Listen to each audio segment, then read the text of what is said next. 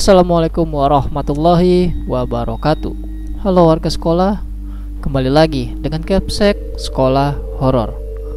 Apa kabar kalian semua? Semoga baik-baik saja ya. Di kisah kali ini akan menceritakan mengenai para penghuni desa mati bagian ke-1 Cerita ini akan sedikit mengulas apa yang terjadi di desa di mana di cerita sebelumnya keluarga Pak Raman diusir. Jadi sebelum kalian mendengarkan cerita ini, ada baiknya kalian mendengarkan cerita sebelumnya yang berjudul Rumah Besar di Tengah Perkebunan Sawit. Cerita ini bersumber dari akun Twitter @acep underscore saep88.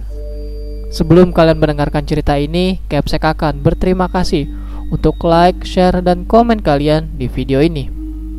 Lanjut saja, Saatnya kelas dimulai.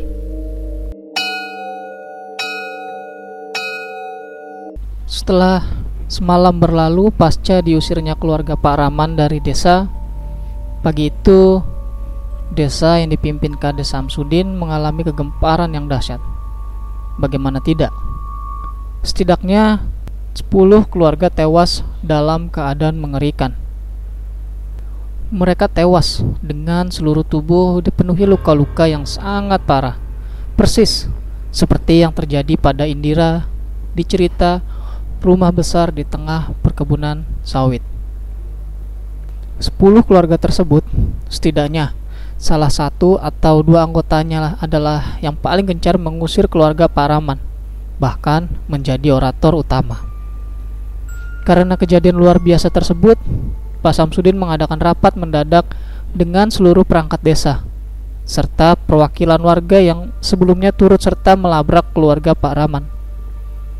Di dalam ruang rapat di balai desa, Pak Samsudin memulai rapatnya sembari sesekali merasakan badannya seperti sedang diguncang-guncangkan kekuatan gaib.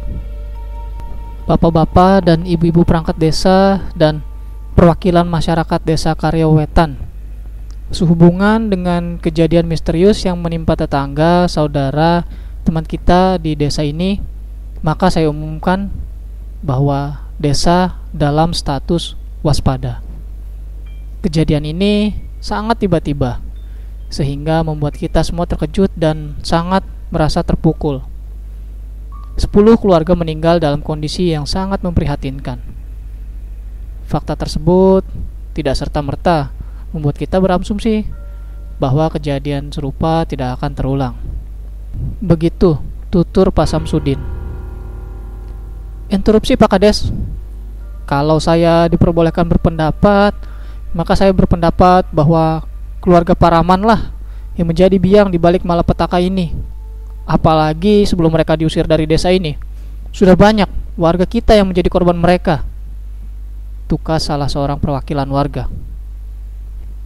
Tenang Pak Jamal. Kita jangan berprasangka buruk terlebih dahulu sebelum ada bukti konkret yang menunjukkan itu. Apalagi korban-korban kali ini sama sekali berbeda kondisinya dengan yang sudah-sudah.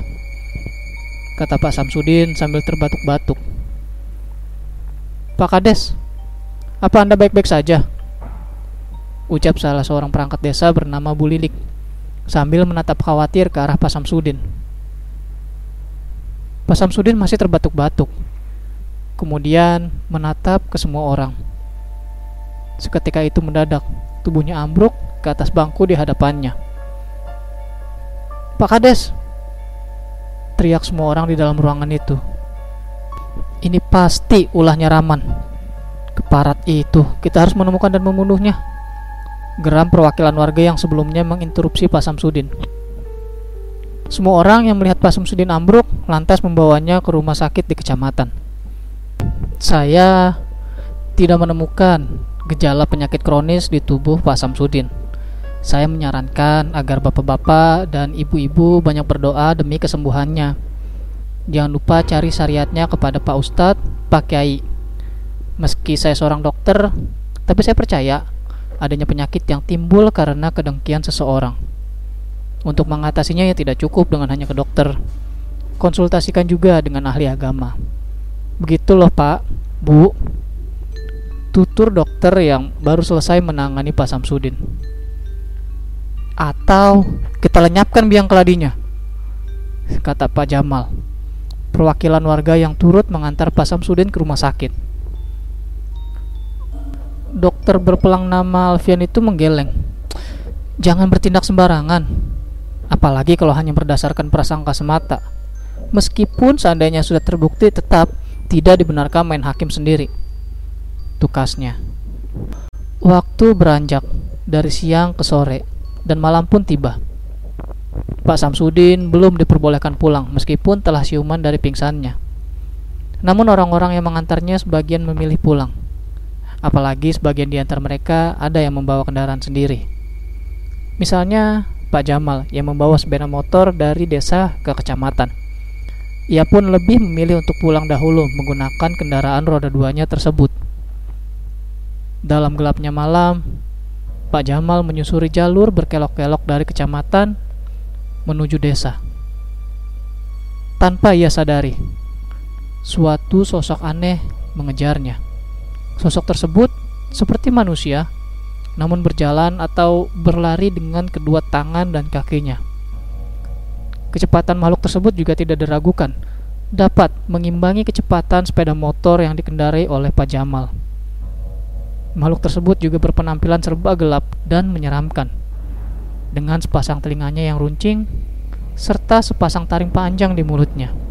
Makhluk itu juga mengeluarkan suara rangan yang keras yang membuat Pak Jamal terkejut.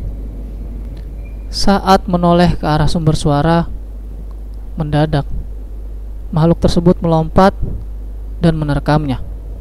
Pak Jamal kehilangan konsentrasi dan keseimbangannya. Akibatnya sepeda motornya terpelanting. Kemudian menabrak sebatang pohon di pinggir jalan.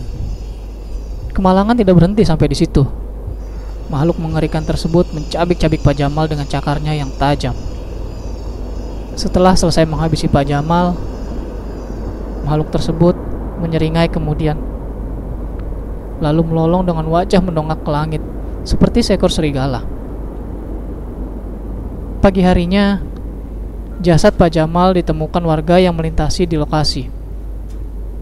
Warga tersebut segera melaporkan penemuan mayat tersebut ke polisi. Olah TKP pun dilakukan pihak berwajib.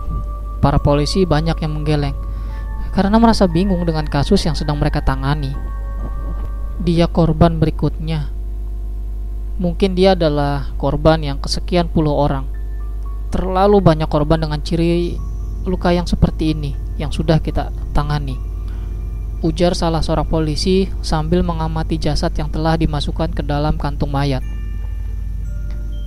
Desa Karyo Wetan. Ada apa dengan desa itu? Nah, ini kejadiannya di luar desa itu tapi korban adalah warga desa Karyawetan. Polisi lainnya menukas. Yang pernah saya dengar, desa Karyawetan mendapat semacam kayak kutukan dari seorang pengabdi setan yang diusir warga setempat. Mungkin orang yang dimaksud tersebut marah, kemudian mengirim bala bencana ke desa itu. Tapi entahlah, itu sangat di luar nalar. Saya sih antara percaya atau tidak. Kata polisi itu lagi. Setelah selesai melakukan olah TKP, para polisi dengan membawa kantong jenazah berisi mayat Pak Jamal pun pergi, meninggalkan lokasi dengan dua mobil SUV dan ambulans. Sementara itu, kemudian di malam ketiga pasca perginya keluarga Paraman dari desa. Di dalam salah satu ruangan rawat inap di rumah sakit kecamatan, Pak Samsudin sedang ditemani putranya dan istrinya yang membawa serta seorang bayi perempuan yang tidak asing lagi adalah putri bungsu Paraman, yaitu Mira. Mira memang sempat dititipkan ke Pak Samsudin sebelum keluarga tersebut benar-benar pergi meninggalkan desa. Keluarga Pak Samsudin pun bersedia merawat Mira meskipun ada beberapa orang warga yang menyarankan agar bayi Mira dibuang saja hingga mati. Namun Pak Samsudin mengabaikan saran dari para warga tersebut. Ia menganggap mereka telah berlebihan karena menganggap Mira bisa menjadi pembawa sial bagi desa. Saat itu, malam semakin larut. Tengah malam pun tiba, di mana seluruh anggota keluarga yang menemani telah tertidur di bilik di dalam ruang rawat inap tersebut. Keadaan pun mulai sunyi.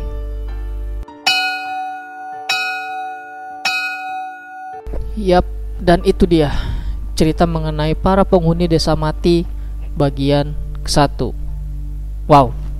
Meskipun desa ini telah ditinggalkan oleh keluarga Pak Raman, namun kejadian-kejadian janggal yang memakan korban masih saja terjadi di desa Karyo Wetan. Kira-kira apa ya makhluk yang melukai bahkan membunuh beberapa warga desa di sana? Hmm, Terima kasih buat kalian warga sekolah yang telah mendengarkan cerita ini dan terima kasih juga kepada akun Twitter at acep underscore 88 yang telah memberikan kami izin untuk membacakan cerita ini. Jangan lupa like dan share video ini agar warga sekolah horor semakin bertambah.